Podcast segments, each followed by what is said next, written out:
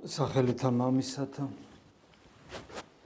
და ძისათა და სული საწმინდისათა. ამინ. ღვთის განკაცებას ანგელოსთა გალობა უძღოდა წინ. დიდება მაღალთა შინა ღმერთს და ეს დიდება ღმერთს ეკუთვნის რა თქმა უნდა და შემდეგ გრძელდება ქვეყანასაზე და მშვიდობა და კაცთა შორის სათნოება. და ეს იმიტომ რომ ღმერთი მოვიდა, ღმერთი განკაცდა, ღმერთი ჩვენთან არის. და სიტყვები ჩვენთან არის ღმერთი ამან არს და იყოს ამან ძალიან დიდი დატვირთვა შეიძინა, ღმერთი ხელშესახები გახდა. შესაბამისად ჩვენთვის ღმერთი ძალიან ახლობელი გახდა, როგორც კითხულობ ზიარების შემდგომ ლოცვებში წირვისას ვახსენებთ რა იესო ქრისტეს მერე ვამბობთ, ჩვენ მის საგარეშე სხვა ღმერთი არ ვიცით. უძურფასესია და ძალიან ახლობელია ჩვენთვის უფალი და იგი არა მხოლოდ იგი არის არა მხოლოდ ღმერთი, რომელიც რომელთან ურთიერთობაც მისტიკურად საიდუმლოებრივად მიიღწევა რა ჩვენში ჩვენ შიგნით ხორციელდება. არამედ იგი გახდა ადამიანიც და ჩვენთვის სამაგალითო. სამაგალითო იგივე ადამიანურ ურთიერთობებში. ამიტომაც არის დიდება მაღალთა შინა ღმერთსა და ქვეყანასაზე და მშვიდობა და კაცთა შორის სათნოება. აი ეს მშვიდობა ადამიანთა შორის მშვიდობას ამოგცემ თქვენ და იყარებოდეთ ურთიერთას ვითარცა მე თქვენ შეგიყვარეთ. და იმითი გიცნობე რომ ჩემი მოწაფეები ხარ რომ თუ გეყვარებათ ერთმანეთი.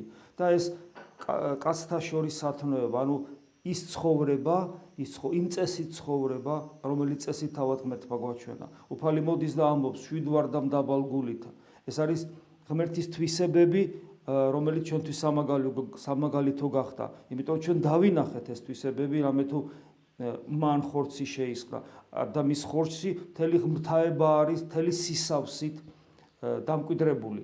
ამიტომ ეს თვისებები სიმშვიდე სიმდაბლე როგორც ხშირად ვამბობთ მესამე განსაცვიფრებელ თვისებას მისი განკაცებული ღმერთის სისავსე გულმოწყალებისა ეს ის თვისებებია რომელიც აუცილებლად უნდა ჩვენ ჩვენთვის მისაბაძე მაგალითი იყოს და შესაბამისად ვიცხოვროთ და როდესაც ანუ იესო ქრისტე, იესო ქრისტე ეს არის ორიენტირი ადამიანთა შორის ურთიერთობების.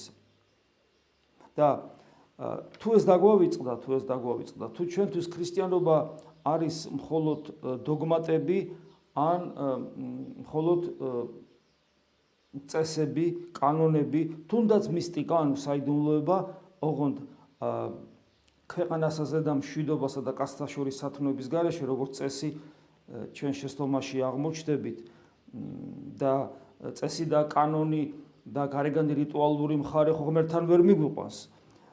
დოგმატების თეორიული ცოდნა ანუ ღვთისმეტყველება ღმერთთან ხო ვერ მიგვიყვანს. ხოლო მისტიკა აღმოჩნდება ცრუ მისტიკა და უბრალოდ ეშმაკების დემონურ სამყაროში ანუ დემონური ხიბლის ქვეშ აღმოჩნდებით და რითაც საბოლოოდ სულს დავიღუპავთ. თუ არ გვექნება კიდევ მეორებ ის უმნიშვნელოვანესი ორიენტირი, რომელიც ღვთის დიდებას ღვთის დიდების თანხwebdriver უნდა იყოს, როგორც არის ქვეყანასასე და მშვიდობა და კაცთა შორის ათნოება. ღევანდელ საკითხავებში, როგორც 60 ფულოსი ისე სახარებისა აი ამ კუთხით საინტერესო ადგილები შეიძლება მოვნიშნოთ და თქვათ რამდენიმე მუხტს წაგიკითხავთ. აი მაგალითად ეს არის დღეს წაკითხული რომელთა მიმართ ეპისტოლე მე-14 თავი. ასეთ რამეს ვკითხულობთ. მას შენ რატომ განიკითხავ შენ ძმა? საერთოდ განუკითხულობა ძალიან საინტერესო ფენომენია, იმიტომ რომ ჩვენ არ ვიცით ადამიანის გულში რა ხდება და ჩვენ ძალიან ხშირად ნაადრევად ვსვავთ ხოლმე დიაგნოზს, რომელმაც შეიძლება არ გაგვიმართლოს და ზოგადად საჯულის პოზიციაში ყოფნა ძალიან რთულია. როდესაც შენ შეფასებას აძლევ რაღაცა მოქმედებას შენი ძმისას ძალიან რთულია, იმიტომ რომ შენ შეიძლება ძალიან წარად შესწდე. და აი, ამიტომაც არის, მას შენ რატომ განიკითხავ შენ ძმას? ან და რატომ ამცირებ შენ ძმას? რატომ? შემდეგ აგზელებ ჩვენ ყველანი ღმერთის სამჯაროს ტახტის წინაშე წარვდგებით. ამით პავლე მოციქული გვახსენებს, რომ ჩვენ არა გვაქვს საჯულის ვალდებულება, მეცაც ვიტყვით, თუ ჩვენ ვიტვირთავთ საჯულის ვალდებულებას, უბრალოდ კრეხელობაში აღმოჩნდებით. თითქოს ჩვენ ღმერთს ვართმევთ ძალაუფლებას. იმის მაგერად რომ ჩვენ მიუბაძოთ მას სიმშვიდეს, სიმშვიდესა, სიმდაბლესა და გულმოწყალებაში, ჩვენ ვითვისებთ მის იმ თვისებას, რომელიც ჩვენი არ არის. ანუ საჯულის ფუნქციას ყოვლის შემძლეობას, ყოვლის მწოდნეობას და ადამიანისათვის განაჩენი გამოგვაქვს. შემდეგ აგზელებს, ამრიგად ყოველი ჩვენგანი საკუთარი თავისთვის აგებს პასუხს ღმერთის წინაშე, ამიტომ ნუღარ განვიკითხავთ ერთმანეთს. დიახაც ესე ადამიანებს შორის ერთადერთი ორიენტირი უნდა არსებობდეს ღმერთი ყველა სხვა შემთხვევაში უბრალოდ ჭეშმარიტებას ავწდებით. აი ხშირად ვამბობთ ხოლმე ჩვენ რომ თქო ეკლესიაში, ეკლესიურ ურთიერთობებში, ერთმანეთთან ურთიერთობებში, სამრევლო ცხოვრებაში, შეიძლება სადღაც მონასტერში მაგრამ ჩვენ არა გვაქვს მონასტრული ცხოვრების გამოცდილება, ჩვენ გვაქვს საერო ცხოვრების, სამრელო ცხოვრების გამოცდილება, რომელიც არსობრივად ერთ და იგივეა, მაგრამ ფორმები განსხვავდება, ამიტომ განსხვავებულია ეს გამოცდილები, მაგრამ გამოცდილებები, მაგრამ აი არსობრივად, რასაც ახლა მე ვამბობ, ეს ერთ და იგივეა. მოძღვართან ურთიერთობა და ასე შემდეგ, ეპისკოპოსთან ურთიერთობა მღვდლისა და ასე შემდეგ. რა არის მთავარი? როგორც დავინახეთ, ორიენტირი არის ღმერთი. ანუ თუ სამრელო ცხოვრება იქნება, სამონასტრო ცხოვრება იქნება, მღვდლის ეპისკოპოსთან ურთიერთობა იქნება, ერის ადამიანის მღვდელთან ურთიერთობა იქნება, მოძღვართან ურთიერთობა იქნება, თუ აი ამ ურთიერთობებში უმთავრესი ორიენტირი იესო ქრისტე, განკაცებული ღმერთი, ქვაკუთხედი ჩვენი სარწმუნოებისა. აი ეს ორიენტირი დაცულია, არ არის წარხოცილი, წაშლილი, და ყველაფერი მიმართულია იქითკენ, რომ ჩვენ ქრისტესკენ ვიაროთ.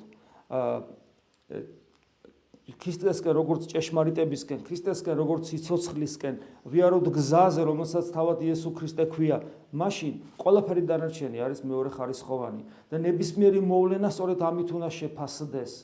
ეს ჩვენ აგვაცილებს ზედმეტ ადამიანურ ემოციებს ურთიერთობებში, ზედმეტ თორე ემოციების საჭიროა და განკითხვის სულს. რომ თითქოს ჩვენ ვიღაცა ხელს გვიშლის სულიერ ცხოვრებაში და ესე იგი ჩვენ გვექნება პრობლემები. მაშინ თუ კიდევ ვიმეორებ, თუ ადამიანს აქვს ყველა პირობა იმისა, აი მაგალითად თუ ერის ადამიანს აქვს ყველა პირობა რომ ქრისტე ეძებოს და ილოცოს, თუ ღმერთს აქვს ყველა პირობა იმისა რომ იმსახუროს, თავის საქმე აღასრულოს, იმისიონეროს და ლიტურგია აღასრულოს, თუ ეპისკოპოსი აქვს იმის უფლება რომ ეპარქია ქრისტე როგორც მართოს როგორც ქრისტეს სამწყსო ქრისტეს სამწყსო დამწყსე ცხოვარნი ჩემნი როგორც უფალი გვასწავლის და ადამიანები წარმართოს ქრისტესკენ მაშინ დანერჩენს უკვე არანერი მნიშვნელობა არ აქვს. დანარჩენი ყველაფერი არის მეასახარისხოვანი ეს ძალიან მნიშვნელოვანია რომ გვახსოვდეს. შემდეგ ესეთ რამეს ვკითხულობთ. მე ვიცი და დარწმუნებული ვარ უფალი იესოში რომ თავისთავად არაფერია უწმინდური მხოლოდ მისთვის არის უწმინდური, ვინც უწმინდურად ჩათვლის რაიმეს. აი ეს რასაც ახლა ვამბობდი, იმის კიდევ ერთხელ დადასტურება და გაგრძელება ნებისმიერი მოვლენის ნებისმიერი მოვლენის სულიერ ზნეობრივი შეფასება. აი რაღაცა მოვლენა ხდება და უცებ ადამიანი იტყვის, არა ეს ცუდია, მეორე იტყვის, არა ეს კარგია, ერთი იტყვის ეს უწმინდურია, მეორე იტყვის ეს წმინდაა და ასე შემდეგ. ნებისმიერი მოვლენის სულიერ ზნეობრივი შეფასება მატერიალური და თავისთავად ხშირად სოციალური, აი მატერიალური შეფასება, ნივთიერი შეფასება, ანგნებავთ სოციალური შეფასება. ანუ თქვათ რა ზიანი მოაქვს ამას მატერიალურად ან სოციალურად. ეს ყოველი კონკრეტული ადამიანის სუბიექტურ მდგომარეობაზე და განწყობაზეა დამოკიდებული. აი ამიტომ ამბობს, რომ ვიცი და დარწმუნებული ვარ უფალ იესოში რომ თავისთავად არაფერია უწმინდური ხოლო მისთვის არის უწმინდური ვინც მას უწმინდურად ჩათუ ვინც უწმინდურად ჩათulis რაიმეს. ანუ თავისთავად რაღაცა ზნეობრივად ნეიტრალურია სოციალურად ნეიტრალურია მატერიალურად ნეიტრალურია და დამოკიდებულება უკვე როგორი დამოკიდებულებაც აქვს ადამიანს იმის შესაბამისად უკვე შეიძლება ადამიანს ზიანი მოუტანოს ეს იმას ნიშნავს, აი როგორც კიდევ ერთი გამონათქვამია, წმინდასთვის ყველაფერი წმინდაა, პავლე მოციქულის სიტყვებია ესთვის. ეს შესაბამისად უწმინდურისათვის ყველაფერი უწმინდურია, ხო? აი ეს დამოკიდებულება, ანუ როგორ ხედავ მე თითო ამა თუ იმ მოვლენას. და რა თქმა უნდა, აქაც ორიენტერი იესო ქრისტეა. თუ რაღაც მოვლენა ეს იქნება მატერიალურ სამყაროში, ნივთიერ სამყაროში, თუ სოციალურ ურთიერთობებში, თქვა სამრევლო ურთიერთობა, ხო, ერთგვარი სოციალური ურთიერთობა, თუ ეს ყველაფერი ხელი შემშლელი იესო ქრისტეს მიბაძვა, მიმსგავსება და ძიებაში არ არის ხელი შემშლელი, მაშინ ეს მოვლენა არ არის პრობლემა და შესაბამისად არ შეიძლება იგი განხილული იქნას როგორც უწმინდურობა. და თუ მე მას უწმინდურობად აღვიქვავ, ეს უკვე ჩემი დაცემული ბუნების არაჯანსაღი ადეკვატური, არაადეკვატური აღქმა არის. როდესაც მოვლენა, როდესაც რეალობა არაჯანსაღად გარდატყდება ჩემს არაჯანსაღ დაცემულ ხედვაში და იგი რაღაც დემონურ აპოკალიფტურ სახეს იღებს, რომელიც სინამდვილეში არ არსებობს. ეხლა მათეს სახარების მე-12 თავიდან ანუ ესე იგი რა შემთხვევაა ეს? როცა ყოლავ ქრისტე არ არის ორიენტირი. და მთავარი არის არ არის ორიენტირი. და ყოველთვის მეორე ხარისხოვანი და ამ დროს მეორე ხარისხოვანი როცა არის ესე იგი უკვე ჩემი სიმართლეა, ჩემი ხედვა, ჩემი სუბიექტური განცდა, ანუ ობიექტური ორიენტირი როცა არ მაქვს, ანუ იესო ქრისტე, მაშინ ესე იგი ჩემი ყველაფერი უკვე ხდება სუბიექტური და ბუნებრივია ჭეშმარიტებას აცდენილი. ასევე მათემახარებლის მე-12 თავი, რომელიც დღეს ასევე აღმოვიკითხეთ, ასეთ რამეს ვკითხულობთ, ფარისეველნი იგი იგი გამოვიდეს და ზრახვაყვეს ქრისტესთვის, რათა წარწმიდონ იგი. ხოლო იესო გულისხმა ხო და გალეშორა მიერ და წარვიდა. ესე იგი, აი ნახეთ როგორი რაღაცა არის ადამიანის სუბიექტური მდგომარეობა, რომელზეც წეგან ჩვენ საუბრობდით.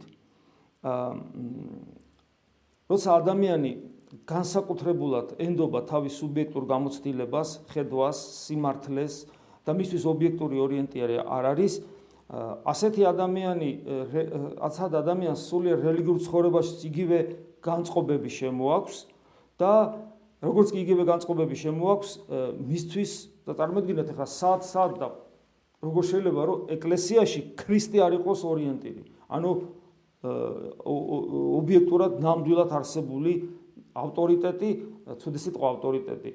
მაგრამ ნუ ეს არის, ანუ ყველაფერი ესო ქრისტეა და როდესაც ადამიანს ეს სუბიექტურ ხედვაზე აქვს აქცენტი და სუბიექტურ განცდაზე და ინტუიციაზე, მაშინ აგე ის უკვე ქრისტეს ჩვენთან ყოფობა არ ყოფობა უკვე ამაზე ხდება დამოკიდებული, იმიტომ რომ რეალურად ქრისტე იყო და ფარისევლები ვერ ხედავენ, ვერ ცნობენ და შინაგანი გულის რახვა აქ რომ იგი მოკლან და წარწმიდონ.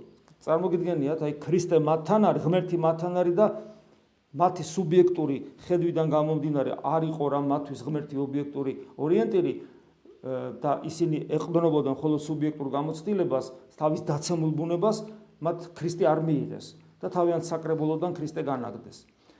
ეს იმიტომ კი არ დაიწერა რომ ძველ აღთქმაში მოხდა. ეს იმიტომ დაიწერა რომ იგივე შეიძლება ახალ აღთქმაში მოხდეს. რა თქმა უნდა, ეკლესია მადლის მადლის სახთო მადლის მყოფობის ადგილია.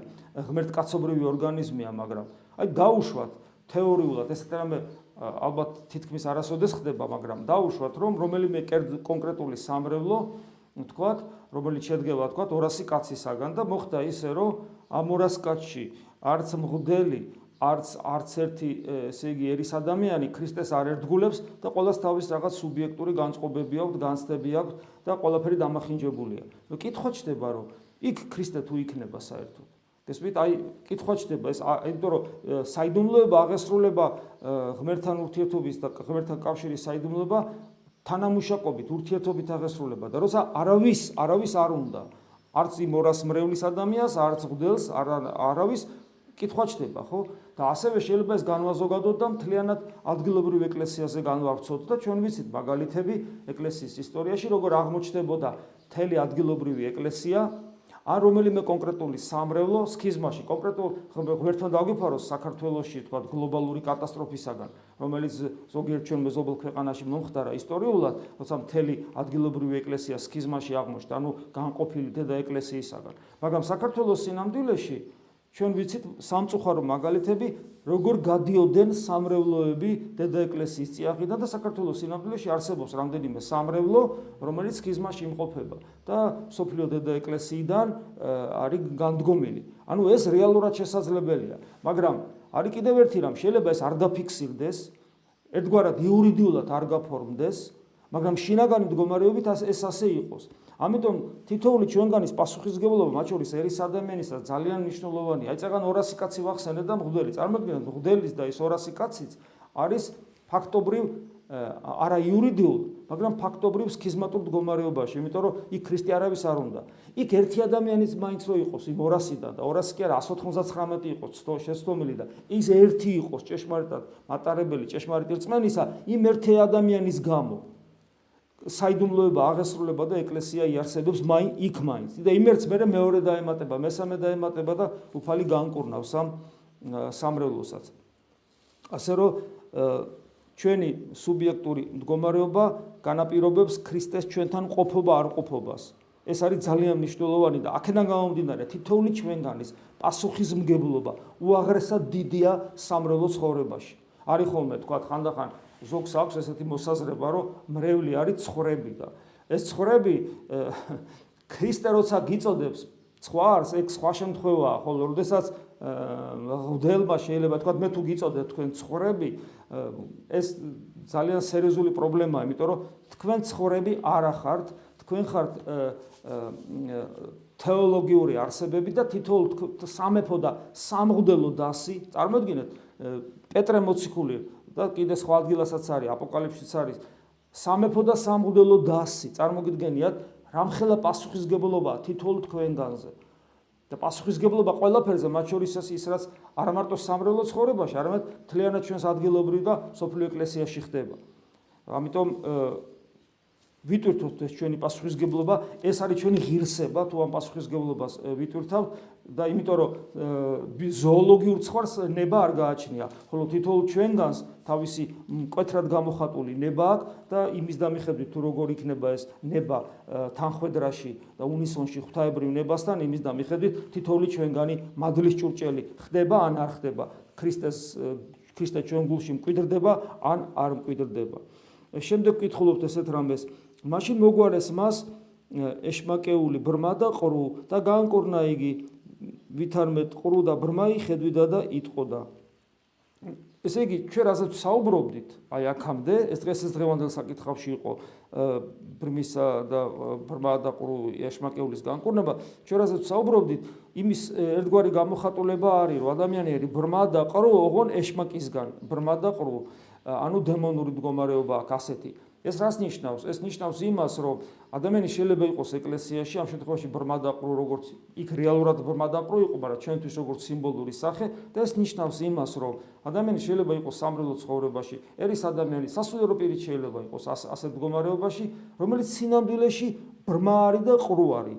მაგრამ ეშმაკეულობა, ეშმაკისგარო არის ეს რას ნიშნავს, როგორც უფალი ხედა, უფალი გვასწავლის ახლა აქ წმინდა წერილში. ეს ნიშნავს იმას, რომ ის თავის სიბრმავეს და სიყრუვეს ვერ გძნობს, იმიტომ რა შემთხვევაში ხდება ადამიანი სულიერად ბრმა და სულიერად ყრუ ეშმაკთან თანამშრომლობა თანამშრომლობის დროს.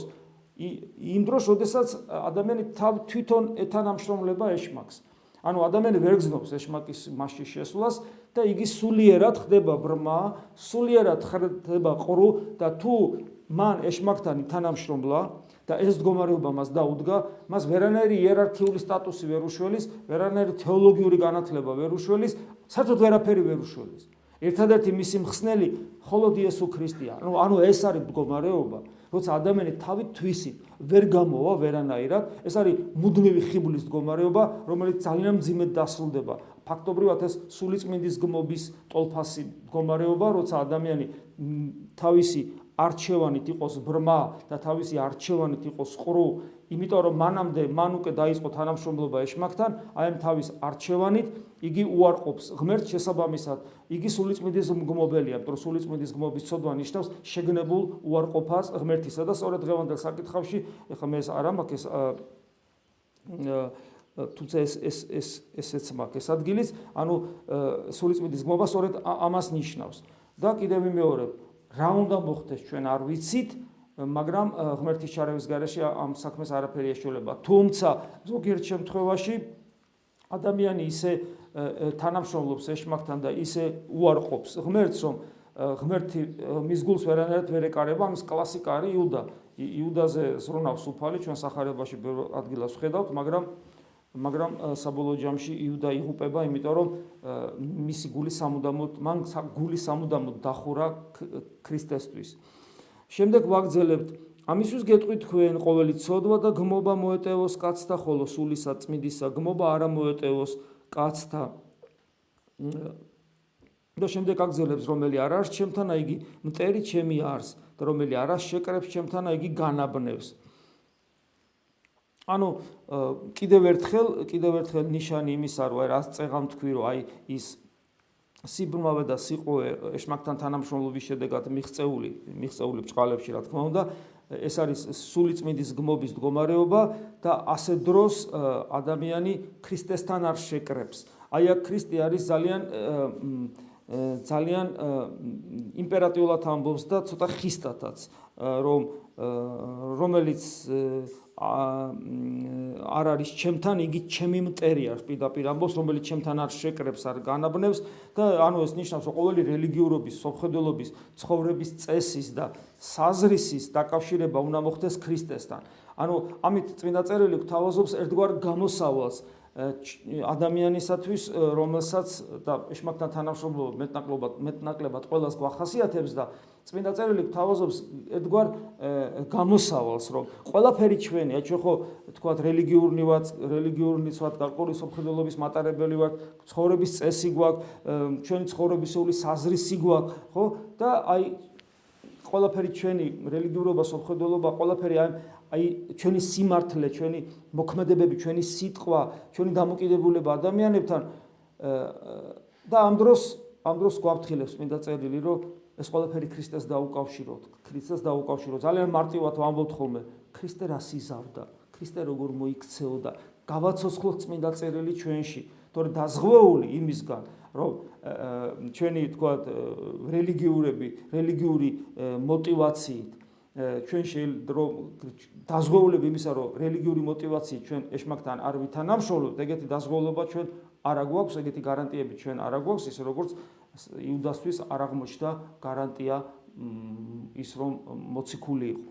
კვლავ და კვლავ კიდევ ერთხელ დღევანდელი საკითხავები კიდევ ერთხელ მიგვითითებენ ჩვენი სარწმუნოების არსზე, განკაცებულ ღმერთზე, იესო ქრისტეზე, რომელიც მუდამ ჩვენი ორიენტირი უნდა იყოს მაგრამ ეს ვერ იქნება უბრალოდ მენტალურად ფსიქოლოგიურად ჩვევად ჩვევით მიღებული უბრალოდ სოფხედელობად, არამედ ეს აუცილებლად კავშირში უნდა იყოს საიდუმლოებასთან, მისტიკასთან და ეს შესაბამისად ნიშნავს იმას, რომ ჩვენ უნდა გქონდეს ევქარისტიული და გონიერი ლოცვითი ცხოვრება. ეს ორივე საიდუმლოება. თუ არ გვექნება გონიერი ლოცვითი ცხოვრება, ანუ ისიქაზმი და ევქარისტიული ცხოვრება. მაშინ ის რომ ჩვენთვის ქრისტე ორიენტირი იყოს, ამას ჩვენ ვერ შევძლებთ, იმიტომ რომ ეს სხვაგვარად თუ არა მისტიკურად არის შეუძლებელი. და ამიტომაც მე წინაზეც გითხარით, ეხლა გავიმეორებ. ყოველი ადამიანი,